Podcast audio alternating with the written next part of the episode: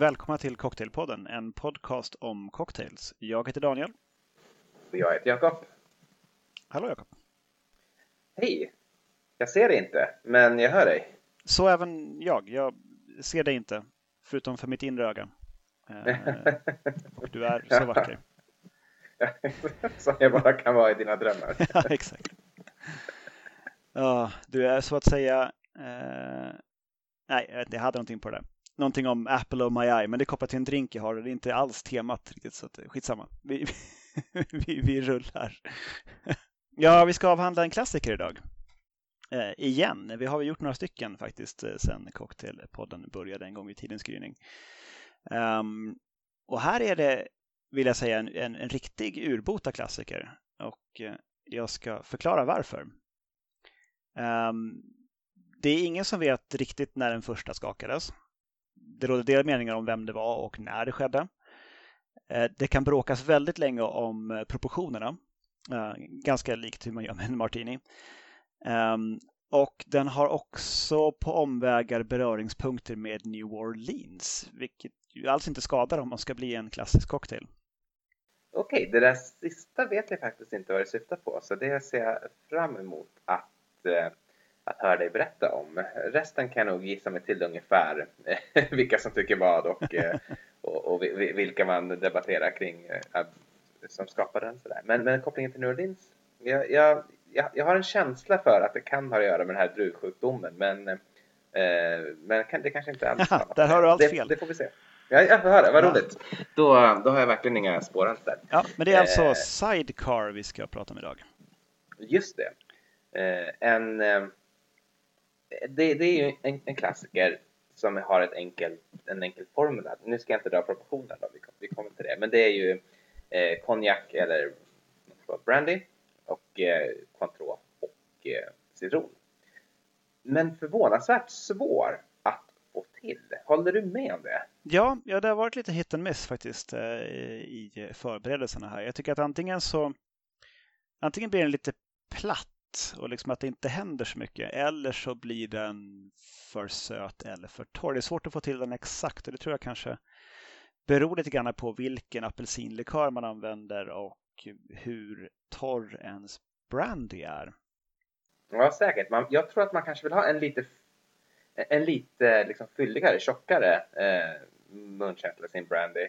Jag har, jag har egentligen inte någon så här jättestark eh, kärlek till den här drinken, heller inget stort hat. Den är ju med på min tavla från min första cocktailfest någonsin då, som jag och Linda hade. Så, så den har hängt med ett tag. Men jag har ändå blandat till den förvånansvärt sällan och jag har mig vetligen beställt den två gånger i livet. Bägge gångerna blivit gruvligt besviken, vilket väl då kan vara ett äh, vittne om eh, den här, att, att den är svår att göra trots att den har en sån enkel äh, formel.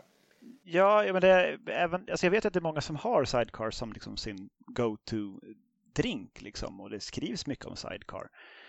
Um, bara vår bekant Per-Oskar menar väl på att Sidecar är hans favoritgrej. Liksom.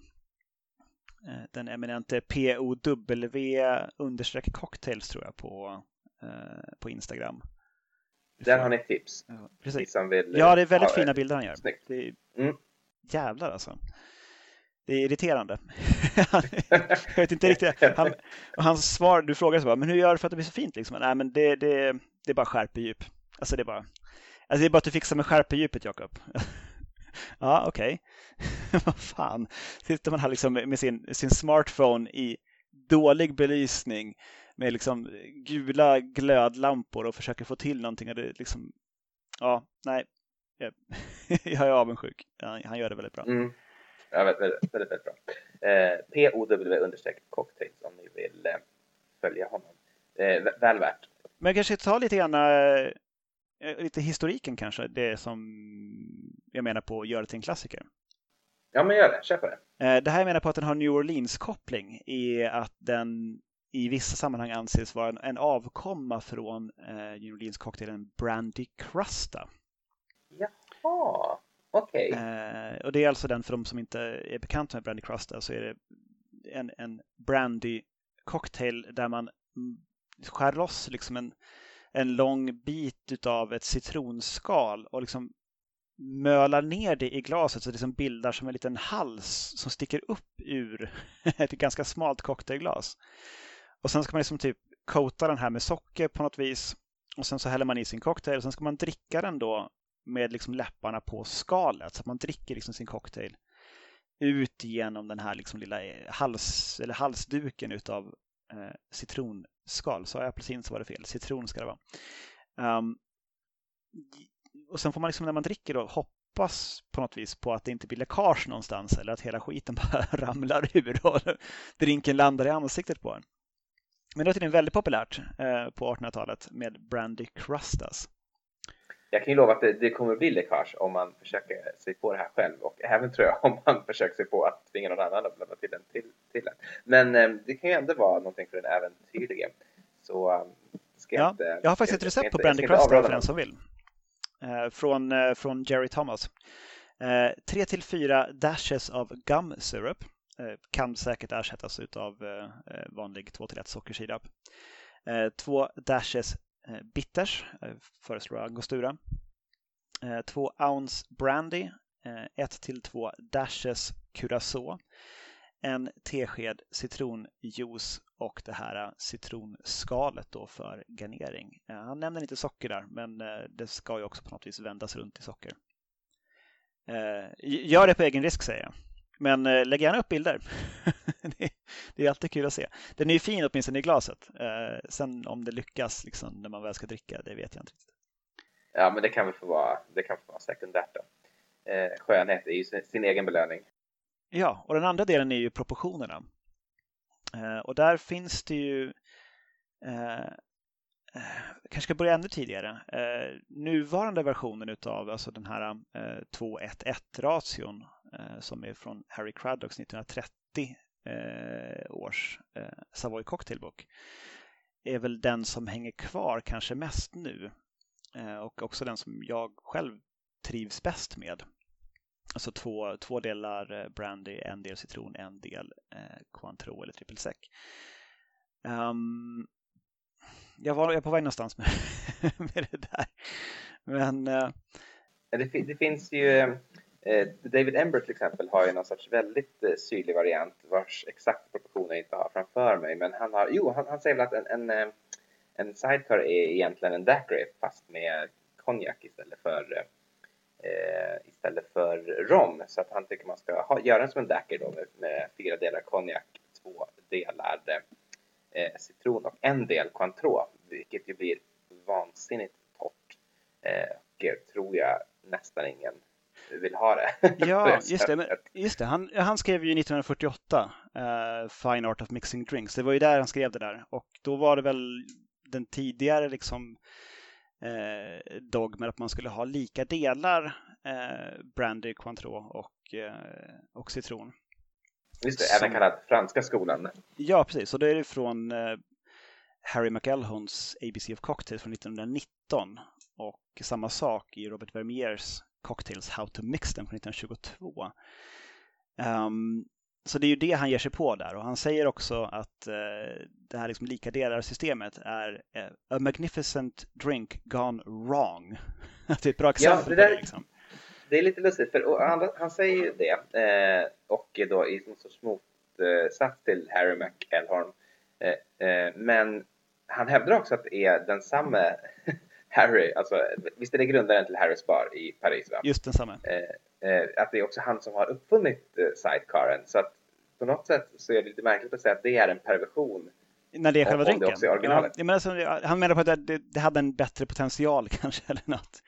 Um, Eh, som så ofta med, med klassiska drinkar så dyker det också upp en, en, en, en, i det här fallet en kapten, det brukar ju vara en colonel, eh, som väl är överste på svenska, men här är en kapten och det Embury menar på att den här drinken uppfanns eh, av en vän i Paris som råkade vara kapten och eh, han hade då eh, döpt den efter den här motorcykelsidovagnen han kördes till och från en viss bistro där han drack den här drink. Då har man antagit att han menar nog egentligen att eh, bistron är Harrys American Bar och att den som egentligen uppfunnit det är nog bartendern på den baren. Och så att hans kompis eh, som eh, var kapten och åkte motorcykelsidovagn tyckte att då kan den heta det här. Eller något. Mm, just det. Um, det, det, det, det, får nästan vara höll lite dunkel. Vi vet inte 100%. Ja. Men eh, det, var, det är väl så lika troligt som något. Mm, McElhone skriver ju i senare versioner, så senare upplagor av sin bok, att, att det var han som uppfann drinken.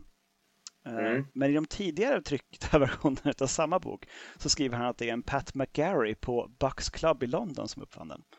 Det är lustigt att han, har ju, han måste ju gått in och ändrat det då. Att han har sagt men vänta nu, det här kan inte stämma. Det är väl inte jag som har gjort den här drinken. Alltså vad fan. det, här, det, här får jag, det här får jag stryka, det här, det här måste jag korrigera. Gamle Pat McGarry kan vi inte ta illa upp över det här. Det, det är min drink. Det, det vet alla. Det kanske var hans alter ego då eller någonting också. Men, jag vet eh, inte. Som han bara liksom. Hur som helst, jag tycker att vi gjorde en, en fantastiskt eh, rörig eh, genomgång av en rörig historia av en klassisk cocktail och det tycker jag helt är i temat faktiskt. Ja, det är det. Eh, och nu tänker jag be om att få ännu rörigare Yay! eh, innan vi går vidare. För att jag skulle, jag skulle vilja byta tema helt och hållet och göra ett litet instick som jag egentligen hade tänkt att vi skulle börja den här podden med. Som jag kom av med lite grann. Eh, nämligen min, min resa till London där jag ju är nyligen hemkommen ifrån. Eh, vilket också är stö större delen av mitt material är mina spaningar därifrån. Så Okej. det vill jag inte tappa bort det. Så det får bli liksom sidecar slash Jakobs resa till London som är avsnittet. Eh, exakt. Jag, eh, jag, jag ska dra lite snabbt då. Eh, vi har ju varit på en del eh, bra barer och någon fantastisk också. Vi var på Bar Termini nästan det första vi gjorde. Vi gick omkring och funderade på hur vi skulle fördriva tiden bara första timmarna vi gick och googlade liksom på cocktails i närheten och såg då att Bar Termini låg bara bokstavligt talat ett stenkast därifrån och det vet jag eftersom jag tog en sten och slängde den full kraft och träffade dörren. Ja, det är väl inte olagligt förstås. Nej då, nej, det, var, det är tydligen så, så man gör. Eh, nej, jag skojar bara. Eh, men det var väldigt nära där vi var i alla fall. Så vi gick dit och Bartolomino har jag läst om tidigare för det är en av de här barerna som förekommer på eh, Drinks Internationals eh, 50 bästa barer i världen och har gjort det ett par år. Eh, var på en, en liten sidogata eh, kring där vi var i eh, Mayfair, måste det ha varit, eh, i, i London. Och eh, det var, det var ett intressant ställe, otroligt litet. Det var, du vet, eh, eh, våran favoritbar eh, Erlands i Stockholm. Mm. Tänk som bara nedervåningen, så stort var typ hela baren. Så det var typ ni och kanske tre andra par där inne. Ja, det var det. Precis så. Och eh, ibland så liksom stannade det till någon med vespa och sprang in och köpte en kaffe och sen liksom sprang ut efter sveten också. Eh, precis som man tänker sig att det ska vara på någon italiensk inspirerad bar. Så det kändes ju väldigt eh, korrekt. Men jäklar alltså vilka Negronis de gjorde. De hade färdiggjorda så att de hade på flaska alltid i en kyl då. Fyra stycken varianter varav en var en klassisk Negroni. Eh, jag, jag, jag beställde en, en lagrad och eh, en med rosépeppar tror jag. Och båda var verkligen, verkligen goda. Billiga också, 7 pund och kommer i små glas så man kan med gott samvete beställa in flera. Mm. Eh, och, och liksom som är verkligen fyllda upp till randen. Det är ingen sån washline på dem kan jag säga utan de fyller dem Till ytspänning. hela, hela, hela vägen upp. Så att de får ställa ner glaset först på bordet. Eh, för de kan inte bära den liksom fylld till bordet för då skulle de spilla ut halva. Och sen, sen får du som gäst då liksom typ luta dig fram och surpla i dig. eh, Din. Exakt så. Eh, eh, fantastiskt roligt. Och, och i likhet med Erlands också ett ställe där liksom, ja, men folk går in och ut hela tiden. När vi kom dit så var det tomt. Det var helt tomt. Och sen fem minuter senare var det fullt. Och sen typ ytterligare fem minuter senare så var det tomt igen bara vidare. Men vart är folk på väg då? Väldigt hög omsättning. Ja, men jag tror att de är liksom på väg hem från jobbet och bara stannar till på Negroni och, och åker vidare. Eller på väg till jobbet och stannar till en kaffe eller sådär. De, de sålde också kaffe och vi köpte en varsin espresso. Och jäklar alltså, jag har aldrig druckit något liknande i hela mitt liv. Eh, det var fan kraft i den. Eh, vi, vi, pratade sen hela resten av resan om att vi måste åka tillbaks dit med eh, dig och Emily då för kaffet. vi måste visa er det här kaffet. Okej. Men när vi gick därifrån i alla fall så frågade jag förstås eh, den här eh, barpersonalen vad vi skulle göra och om vi var eh, tillfälliga gäster eller sådär. Och Vi berättade att vi skulle vara en helg och eh, eh, ville gärna dricka bra cocktails och eh, frågade om man kunde rekommendera någonting och då sa han ja, lite så här konspiratoriskt. Jag, eh, jag får inte säga det här eller och jag råkar försäga mig men det finns en hemlig bar typ på Greek Street. Eh, det är om du tar vänster första gatan och sen höger andra gatan så, så kommer där. Det är liksom, den ligger i en whiskyaffär och du ska typ gå igenom en bokhylla. Alltså, Oj. Speakeasy helt enkelt. Eh, och eh, jag vet inte hur seriös han var där med att han, att han började få kalla fötter för att han hade avslöjat den här hemliga bar. För det är ju ändå en verksamhet som vill ha folk då. Eh, men eh, det tyckte vi var spännande så vi letade upp den här whiskyaffären men vi gick inte in. Utan vi tittade in bara och tänkte dit måste vi försöka ta oss någon gång senare eh, under den här resan. Också när vi kom tillbaka till hotellet så googlade vi lite grann och såg att den var The Walt hette den då och man ska helst boka bord och sådär. Men det fanns också några bord för förbipasserande så att det, det är nog helt okej bara att komma in liksom lite grann på vänster så. Men hur som helst, dagen gick. Dagen efter så hade vi så li, lite, av en, lite av en hedonistisk eh, runda alltså. Eh, vi, vi, började dagen på, på Ledbury som ju är en helt eh, fantastisk bra restaurang som vi käkade lunch på och därefter så gick vi till Connaught Bar eh, som ligger på anrika Connaught Hotel. Eh, och eh, det är en, en bar som ser ut att vara uråldrig. Hotellet är från 1815 liksom den här baren ser ut, ja men den ser lite grann ut som typ American Bar på The Savoy. Alltså som Savoy Cocktailbook, Harry Craddock. Eh, men, men mycket marmor och speglar och sådär tungt och gammalt. Och de har en liten vacker vagn som är liksom deras martinivagn. Så om man beställer martini så rullar de fram en hel vagn. Välja gin och bitters och, och allt sånt där. Och vad man vill ha för twist då, eller vad man vill ha citron eller, eller oliv och allt sånt där. Och så gör de, Och gör de den vid bordet då? Alltså gör den vid bordet, precis. Och det var den här jag pratade om att eh, jag trodde att Ian Fleming hade frekventerat. Men jag, jag får nog ta tillbaks det, för jag frågade hur gammal den var. Det var tio år hade den funnits. Så det var inte alls så gammal. Eh, Bra så gammalt liksom- alltihopa. Ja, känslan av sådär 150 år gammal var, men eh, den, var, den var, hade, hade precis fyllt 10 då. Eh, tydligen öppnade efter en, att hela hotellet hade renoverats. Men jag beställde förstås då ändå deras eh, martini eh, och eh, var rekommenderad, liksom, eller lotsad till eh, ha ha Sipsmith Gin som, eh, som basgin och sen så hade jag någon sorts eh, korianderbitter och eh, en olivkvist och någon sorts litet citrus i också. Och eh, det här är med bred marginal den absolut bästa martini jag har, eh, jag har eh, prövat. Så jag rekommenderar alla att gå dit. Men också fantastiskt dyr. Eh, men 250 spänn per drink får man nog pay upp där. Så ett, ett ganska dyrt nöje om man, om man vill sitta ett tag. Men jag tycker ändå man ska göra det för det var så himla, himla kul. Vi var på väldigt gott humör när vi kom därifrån. Eh, det, här- det här kommer att ta ett tag så, så luta dig tillbaka.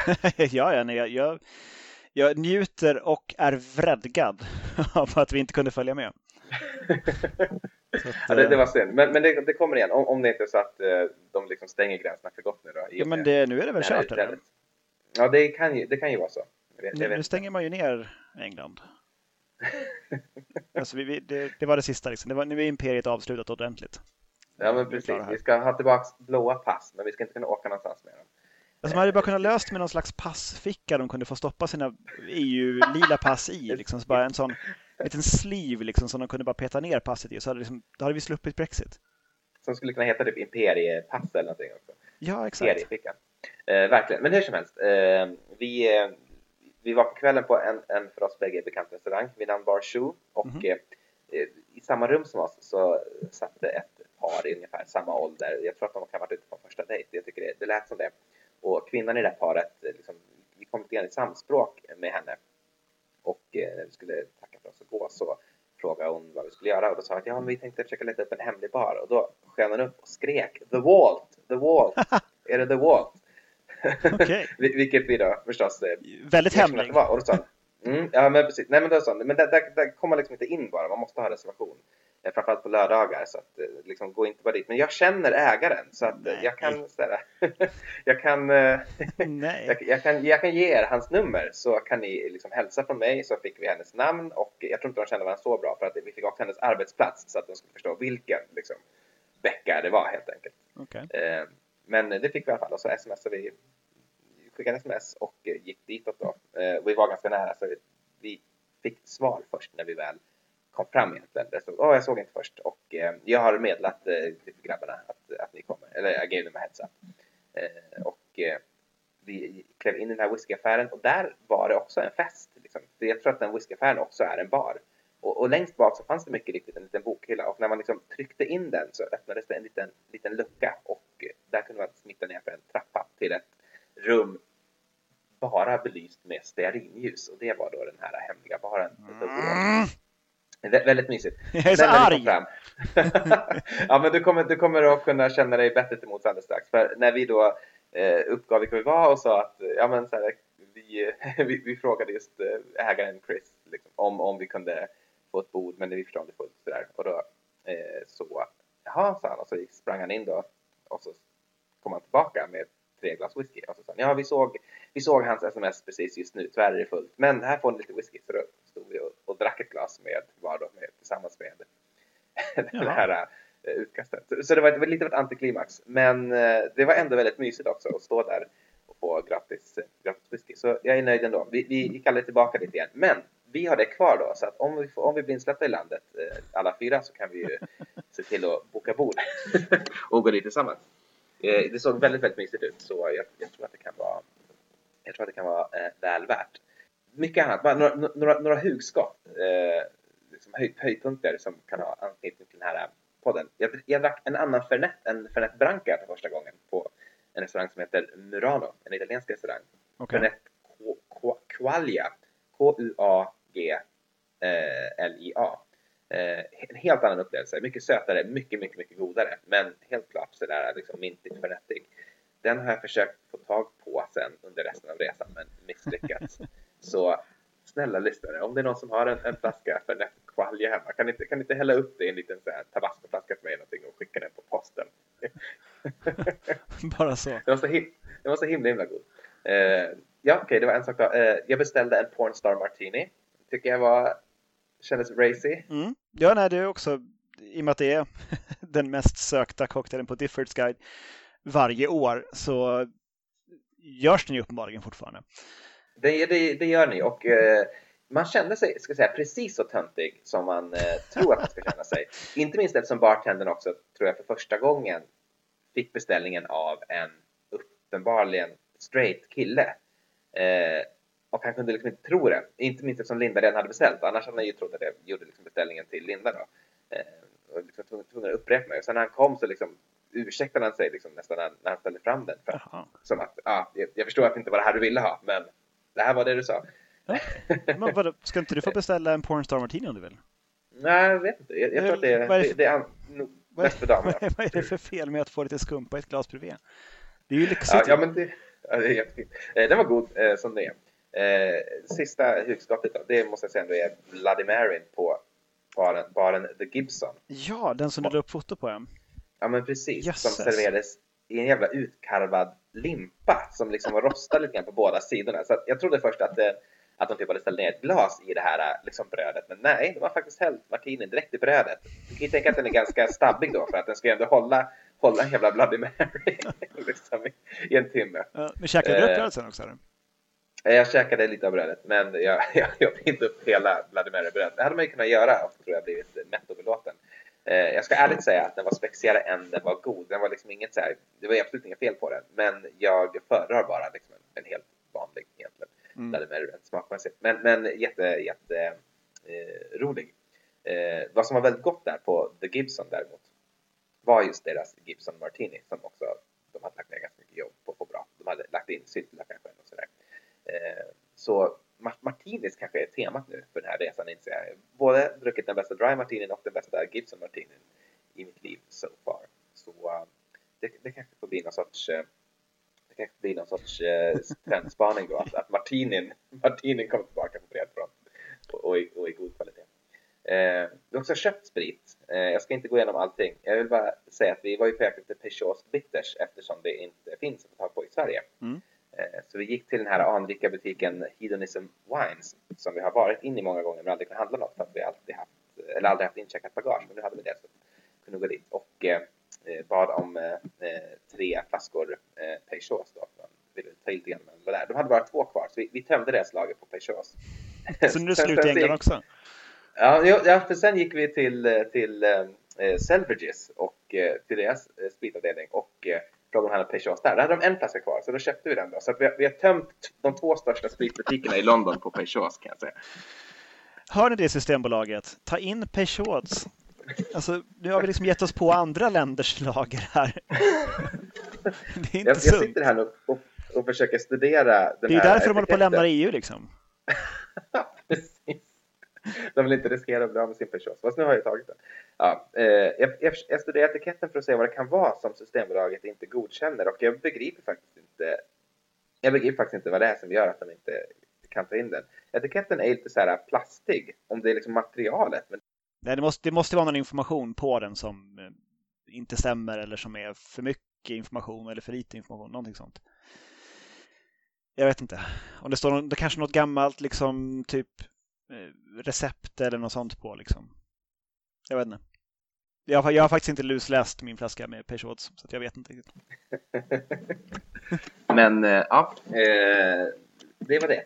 det. det. tror jag nästan får, eh, får avsluta min lilla London-exposé. Martinen är tillbaka, eh, Peugeot är slut.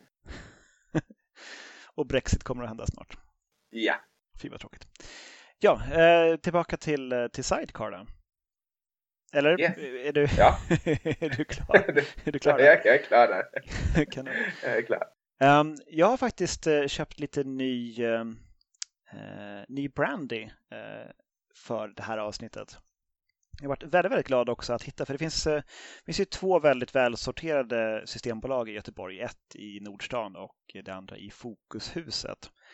Och i Fokushuset har de till och med en hel vägg med liksom exklusiva drycker eller någonting står det bara. Och sen så typ bakom glas. Och där har de eh, massa flaskor som är liksom i flera tusen kronors klassen. Så jättekul att stå och titta.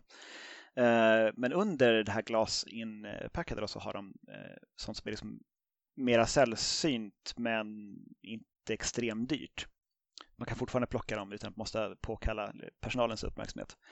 Och då hittade jag eh, Pierre Ferrands eh, Eh, Renegade Barrel number 2 eh, som är en nummer två då i en serie utav eh, speciella eh, konjaker och brandys de gör.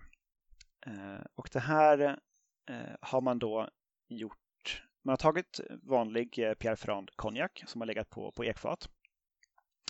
Och sen så har man lagrat det en gång till på eh, kastanjefat eh, enligt en, en, en process som, som fanns eh, fram till mitten på 1900-talet och som också användes, men som sen glömdes bort och till slut föll ur eh, AOC, alltså ursprungsmärkningen, alltså ursprungsreglerna för konjak. Så det här jag har i min hand är, eh, det är en eau de vie, för att konjaken när den las på kastanjefatet slutade vara konjak och blev en eau de vie. För att den då inte längre liksom helt uppfyller konjaksregler i och med att den har legat på också då på ett annat träslagsfat. Och vad, vad är anledningen att de ändrar det där? Det är liksom för, för att främja typ eknäringen? Är det så? Eller har jag fått det bara? jag vet inte. Nej, men det är väl bara att det ska, det ska smaka på ett visst sätt. Det ska vara en, en, en snäv produkt. Och det var väl ingen som eh, efter, 1900, efter kriget, antar jag, 1945 någonstans där, som, som gjorde det här med, eh, med kastanjetunnor. Eh, så då var det, liksom, det, var ingen, det var en icke-fråga om man skulle ha, varför ska vi ha kvar den här gamla regeln, liksom, att vi kan tillåta det här, det är ingen som gör det. Och sen så tog man bort det. Eh, men det är den här eh, Alexander Gabriel som är i farten och han har ju varit inblandad i många sådana här där man tar gamla processer och gör om dem. Så till exempel den här Dry Curacao som också är från Pierre Ferrand som är gjord helt enligt gamla metoder som är mycket torrare än en Curacao från eh, senare snitt. Eh, och han brukar samarbeta med David Wondrich och de andra. Jag tror att han säkert har varit inblandad på något vis och vänster i Plantation Pineapple också. Och han dyker upp på en del podcasts och, och pratar om, om sina små projekt. Han verkar väldigt engagerad och tycker det är väldigt kul med, med gamla spritsorter och, och metoder för att göra gammal sprit. Eh, som sagt, så Renegade Barrel nummer två har jag köpt och den är lite starkare än vanlig eh, konjak som brukar ligga på runt 40 procent. Eh, den här är på 47,1 procent så den är inte riktigt lika nervattnad för att komma på flaska. Eh, så den har jag använt och så har jag gjort en, en Renegade Sidecar eh, från det namnet då. Och det har gjort en till, eh, 2 till eh, 1 till 1 metoden från Harry Craddock. Så det är 2 ounce Eh, av eh, Pierre Ferrand Renegade Barrel nummer två. Och sen så har jag ett ounce eh, Pierre Ferrand Dry Curacao, den här metod ancien, som också finns i beställningssortimentet faktiskt. En, en väldigt tjusig eh, flaska.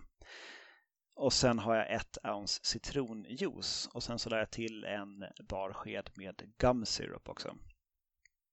Eh, och sen så skaka på is och eh, silat till kylt Coop-glas, ingen garnering. Och det här var riktigt gott. Det här är jag väldigt, väldigt nöjd med. Men märker man någon skillnad på konjaken då? Det gör man kanske inte i drinken riktigt, men, men om du liksom bara dricker den, har den en annan, eh, en annan ton än klassisk? Ja, jag tycker alltså den är, den är rundare och lite sötare faktiskt. Um, påminner lite grann om, alltså på tungan lite grann om, om en del romsorter som har legat länge på fat. Uh, men eh, väldigt, väldigt gott och jag, jag är sporrad att eh, börja använda konjak mer i, i drinkar här hemma. För att jag har inte gjort så jättemycket med konjak. Det är som, det är som den bortglömda spriten som var väldigt, väldigt vanlig på 1800-talet. Innan liksom pyloxera eh, vad det nu är, insekten, larven eller någonting åt upp och förstörde alla, alla vinrankor. Ja men precis. Jag, eh, jag har nog mest använt det nästan i saftsrax faktiskt. Med, med hälften konjak och hälften rye som jag redan har deklarerat är den korrekta proportionen. precis. So fight me about it liksom. Ja, alltså det är ja, väldigt, väldigt kul.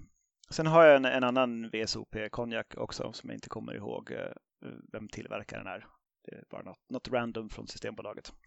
Eh, jag kan ju berätta om en, eh, en drink, en, en sidecar som jag gjorde igår. Jag hade, jag hade bokcirkel över Skype och då passade jag på att göra lite research inför det här avsnittet.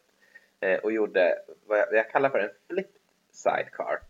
Och eh, är det inte så enkelt att lista ut vad det är tror jag som man kanske tror när man hör namnet. Men jag ska berätta lite grann hur jag har tänkt. Eh, en sidecar är ju konjak och eh, curacao och eh, citron, eller hur? Mm -hmm. eh, konjak, det, det, är ju lagrad, eh, ja det är konjak helt enkelt. Eh, och eh, curacao är ju en sockerrörslikör. Alltså det, det, är baserat på sockerrör som bassprit. Eh, det vill säga en sorts rom kan man säga som är smaksatt med apelsin. Eh, och jag funderade lite grann på om man skulle göra en, eh, en, en sidecar på Grand Marnier ett tag eftersom jag tyckte att generellt att Grand Marnier brukar vara godare än, en eh, Curacao eller Triple Men sen tänkte jag att varför liksom inte gå hela vägen? Det är ju konjak i Grand Marnier och eh, varför inte göra en, en sidecar på, på lagrad rom och Grand Marnier och citron? Eh, då har du fortfarande samma ingredienser, bara att de är liksom flikt. okay. Ja, det var avancerat. Och det låter också som att det skulle bli väldigt gott. Ja, och det blev det också. Och jag, jag gjorde då på det franska sättet enligt, enligt eh, Harry Spar då, när det är lika delar av allting. Så det är lika delar eh, en femårig lagrad från Angostura eh, och eh, Grand Marnier och eh, citron eh, skakat eh, och eh, hällt i kylt eh, kokglas. Inget garnish. Eh, jättegott var det. Och ja, förvånansvärt likt en vanlig sidecar men något lite rundare i smaken. Det är, liksom, det är inte alls eh, väsensskilt trots att man byter ut om man tänker basspriten utan den här liksom switchen den, den, den funkade riktigt bra. Så eh, det, det, var roligt tycker jag att den, att den funkade. Mm. Väldigt, väldigt kreativt. Eh, då kan jag ju ta rygg på det kanske. Jag har gjort en, eh, en i-sidecar som jag hittat på. det är litet i och sen stort S i sidecar förstås. Eh, då kanske du kan lista ut vad det är vi har använt här. Det är, det är 2 till 1, 2 1 1 och då är det Calvados förstås. I och med att uh, iSidecar blir en Apple-produkt. Aha, så, okay. Aha. Två ounce uh, Calvados, ett ounce Curacao och ett ounce citronjuice. Uh, skakat förstås. Och sen garnerat med äppelskiva. Vart lite, lite torrare faktiskt. Och då använder jag ändå en, en sötare uh, Curacao. För då använde jag, eh, jag använde Cointreau den här gången. Men är det då alltså eh, calvadosen som, som gör att den är torrare? Ja, det måste nästan vara det. Att den här calvadosen kanske är väldigt, väldigt torr. Jag har faktiskt inte druckit den här calvadosen som den är. Så jag kan inte riktigt uttala mig om det, men det, det skulle i sådana fall vara det som gör skillnaden. men det är väldigt gott. Jag tycker också att det, alltid när man har calvados med i, eh, i sours typ av drinkar så får man liksom en någon ton av torr engelsk cider som jag finner väldigt, väldigt angenäm. Så att, den är jag nöjd med. Ice Sidecar. Eh, man ska ju ha roliga namn på saker och ting, har jag hört. Ja, det tycker jag. Eh, det, apropå roliga namn och apropå äpplen då, jag kan haka i direkt här. så, så vill jag bara göra som ett litet honorable mention. Eh, a sidecar named Desire. Ja, det var ett kul namn. Eh, jag såg ja, också det, det är roligt. Jag, jag, jag beställde nämligen en sån på just The Gibson som jag ju nämnde nyss i, i helgen då, i, när jag var i London. Men eh, vart, vart avrådd från att ta den. Han sa att det här är en efterrättsdrink. Den vill du nu antagligen inte ha. Jag tror att han trodde att vi var där liksom och skulle gå precis innan middagen eller någonting. För han, vart också, han avrådde också från eh, den här eh, Bloody Mary, men den hade jag specifikt fått rekommenderad av en kypare och jag tyckte att jag liksom inte kunde säga det. Att jag inte ville ha den. Han tyckte att det här är som en måltid i sig, ska jag verkligen ha. Men, men, men han, han drog liksom gränsen vid ytterligare en, en felaktig, felaktig beställning. Då, så att, då sa han den, den, den tycker jag inte vi ska ta. Så jag gjorde inte det. Men eh, i, och, så tänkte jag att jag skulle göra den idag då. Men eh, det kunde jag inte göra för jag har inte alla ingredienser. Enligt Diffords så ska det vara calvados, eh, någon sorts äppelschnapslikör vid namn eh, Berentsen Apfelkorn. Eh, jag känner egentligen inte till den. Ja, men Apfelkorn, det, det, om man har handlat i Bordershoppen någon gång så finns de. Det är ganska stora flaskor med en halmgul, eh, ganska alkoholsvag likör. Det kanske typ är 14 procent eller någonting. Någonstans där. Eh, som tydligen är rätt vanligt att man blandar med typ Sprite eller något sånt i Tyskland om man är eh, barn. jag vet att Emelie var någon gång på, eh, hon har ju släkt i Tyskland. Och så var de där nere på något sånt eh, diamantbröllop eller någonting och eh, då serverades det liksom allmänt till barnen att ja, men, nej, men de, det är bara apfelkorn liksom. så det, det är liksom ingenting. Ja men alltså de, de är under tio. Nej men det är herregud, alltså, det är bara precis. Det är bara nyttigt. De somnar bättre så. Och då, då var jag inte jättegammal. Men, så, nej, det ja, men, men det, ska, det ska det vara och eh, citronjuice och lite socker i botten också. Den Sidecar Name Desire som de sålde på The Gibson var nog en helt annan grej. Jag tror att det var med någon sorts gräddigt, typ, liknande med typ Brandy Alexander. Eh, nu ångrar jag att jag inte stod på mig och, och det är intressant att se hur skillnaden var. Eh, men, eh, men förutom sådana honorable mentions då så har jag ju faktiskt också blandat till två drinkar idag och eh, om du inte har någonting emot det så tänkte jag gå in på den första innan den blir alldeles, alldeles varm. Mm, kör! Och ja, nu kan vi tyvärr inte se eftersom vi inte har någon tillräckligt bra internetuppkoppling idag för att ha på webbkameran. Jag sa ju innan vi började spela in att du skulle fejka att du, att du såg mina drinkar, men jag, jag, jag, jag bryter fjärde väggen direkt här nu och säger att du inte kan se dem. Uh, det, här är, det här är en sidecar alla Harry Craddock, det vill säga två delar med eh, brandy, eh, ett del med eh, curacao, i mitt fall eh, Cointreau, och eh, ett del citron. Och här har jag gjort också vad jag själv tycker ett riktigt lyckat sockerrim längs kanten. Och ja, det sitter kvar jättebra fortfarande trots att det var nog drygt en timme nästan sedan jag gjorde den nu tror jag. Mm. Ja, det här, är en, det här är en läcker drink och sockerrim eller inte, det debatteras ju tror jag och de flesta tycker inte att man ska ha det. Det är lite ute men jag tycker det gör något ändå, framförallt om det är lite fast så att det liksom inte bara försvinner i, med detsamma man, man eh, smakar på drinken. För Sidecar är en ganska syrlig, liksom tart drink och eh, jag tycker att det tillför någonting och får det här lilla, lilla, lilla söta på tungan liksom, i, vid varje sipp. Så jag vill, ändå, jag vill ändå slå ett slag för den här baktalade sockerkanten. Tycker det är, är riktigt bra. Okej. Okay. Ja, jag, jag har valt att inte ha någon sockerkant på några av mina. Uh, istället, istället har jag liksom då haft i, uh, som i den här Renegade Sidecaren, en, en skvätt med, uh, med gumsyrup istället. Vad kan man göra? Jag, jag, vill, jag går direkt in på min andra här nu, för den har också ett rim. Det är ju inte alls lika snyggt då. Eh, för, för fantastiskt svårt att få till ett bra kakao-rim som det ska vara på den här nämligen. Okej. Okay. och om du inte anar vad det är så, så berätta. Det här är en chocolate sidecar. Eh, en, kreation från 2005 av Wayne Collins som eh, vid den tiden då var bartender på en bar som heter Maximum UK som jag inte vet någonting annat om än att just Chocolate Sidecar är skapad där. Okay. eh, ovanligt bitig cocktail då i, i eh, eller näringsriktig kanske man ska säga, för den har 260 kalorier. Det tror jag snittar över, över medel faktiskt. Men eh, i, en, i en chocolate sidecar så ska det vara eh, en shot med konjak, eh, en shot med mörk crème de cacao. Det har inte jag, så att jag tog genomskinlig crème de cacao. Så därför är min något lite ljusare än vad den ska egentligen. Ja, en shot med Tony Port eh, en shot med limejuice. Så även där är ni lite av en bastard då, som, som inte följer reglerna.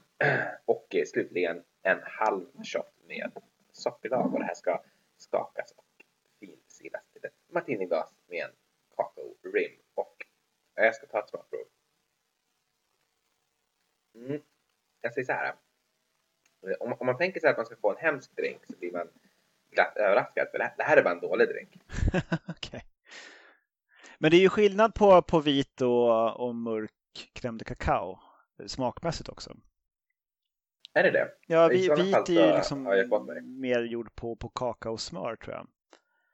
Medan den mörka ska vara smaksatt mer med eh, själva kakaofrukten, alltså kakaonibs, liksom. bitar utav kakaofrukt.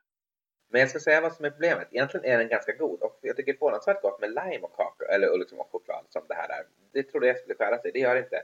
Men det här kakaorimmet, det blir ju... Eh, alltså du kan ju tänka dig hur strävt det blir. Ja, det är ju ganska torrt. Ja, man, man fastnar ju. Man, liksom, man fastnar med läppen på uh, den här. Och liksom, kakao säger inte så gott. Man får liksom lite damm i munnen och, och man sitter fast. och sen så får man försöka skölja bort det med den här liksom, ganska ändå konstiga, konstiga blandningen.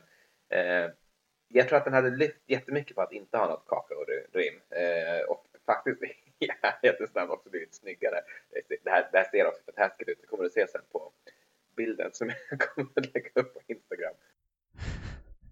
Ja, men alltså kakaorimmen blir ju snygg på, på Diffords guide. Eh, jag håller med om att den är, den är betydligt finare på Devil's guide, men jag tror att de har, jag tror att de har övat mer än vad jag har gjort. Det här var mitt första försök på, på kakaorim och eh, ja, jag kanske ska ge ett försök till då och se om jag blir bättre. Men jag kan tänka mig att kakaorimmet just är där för att det ska bli en fin bild snarare än att det ska vara njutigt att dricka den. Och sånt tycker jag är onödigt liksom. Alltså det är, visst, man kan ju ha liksom ett, ett avancerat garnish. Men är det obehagligt att dricka drinken så har man ju gått steget för långt faktiskt. Ja, jag, eh, jag håller med. Så jag säger nej. Om man, om man ändå vill det så kan man ju göra halva glaset. Ja, eller så kan man väl kanske typ eh, smaksätta socker med eh, kakao eller något. Det är inte dumt. Eller bara, man kan hitta O'boy-pulver. jag vet inte om det blir så jäkla mycket bättre. Alltså. Det är väl ganska dammigt det också. Men däremot så, jag har ju sett att man, eh, man har ju penslat insidan av en del glas på drinkar med eh, till exempel chokladsås. Och den håller ju, när man slår på drinken så är drinken väldigt kall och löser upp ganska dåligt av det där. Så det håller ju den liksom penslingen kvar sig på insidan av glaset. Och det, det är ju snyggt. Och då får man ju chokladgrejen på något vis. Fast eh, man, slipper, man slipper interagera så mycket med den. Um, ska vi se här. Jag har jag någonting kvar? Jo, jag har en, um, en, en Sidecar Number Blue framför mig. Alright, berätta. Vad är historien bakom, bakom den? En liten hommage till vårt förra avsnitt kanske? Ja, precis. Alltså det, det framgår inte mycket eh, om vem det är som har gjort det, men jag misstänker ju att det kan, liksom, det är en spin-off på något vis, den här Jacob Bryers eh, jihad mot Facebookgruppen A Jihad Against All Blue Drinks. När han skapade eh, Corpse Reviver Number Blue. Eh, för att han tyckte det var fånigt att man hade en sån Facebookgrupp. Så har man gjort en sidecar number blue och då är det eh, en och två tredjedelars ounce konjak, tre fjärdedels ounce blå curacao, tre fjärdedels ounce citronjuice, en fjärdedels ounce sockersirap och ett, en halv äggvita. Så den är ljust turkos blågrön och har lite skum på toppen. Jag ska säga att den hade inte behövt eh, sockersirapen. Den är ganska söt. Eh, jag skulle nog också hellre haft mera citron i. Men den är tjusig och det är kul med blåa drinkar. Den har jag ändå köpt blå curacao liksom. Får ju hitta skäl att använda den. Nästan i varje avsnitt. Det är ju faktiskt så att i förra avsnittet så var det ju, jag, jag gjorde ju av med mer blå curacao under liksom förra veckan då än vad jag har gjort under hela resten av tiden som jag ägt den här flaskan, vilket är kanske två år. Precis, men vilka bilder det har blivit. Där, där var det faktiskt ganska lyckade bilder eh, med, med, med allt det här blåa och turkosa. Jag tycker det är väldigt tjusigt. Men eh, har du något mer? Jag vet inte riktigt. Nej, jag, jag har inte det. Jag är beredd att sätta mig i sidvagnen och låta dig köra oss i mål. Ja, men vad ska jag köra i mål med? ah, det kanske är i mål. jag tror det. Um, sidecar, en uh, svårbalanserad drink. Uh, man får liksom prova sig in med den, uh, den brandy eller konjak man har. Uh, och, och hitta sin väg. Utgå från, föreslår jag, 2-1-1 och gå vidare därifrån. Blir den för syrlig, slå i en liten, liten skvätt med sockersirap. Eller kanske lite mera citron om den blir lite för söt. Eh, och ta det därifrån. Och för allt i världen, slå i en skvätt med blå curacao så blir det lite festligt också. Ja, Semester. Semester i ett glas. Yay! Ja, eh, godnatt. Godnatt.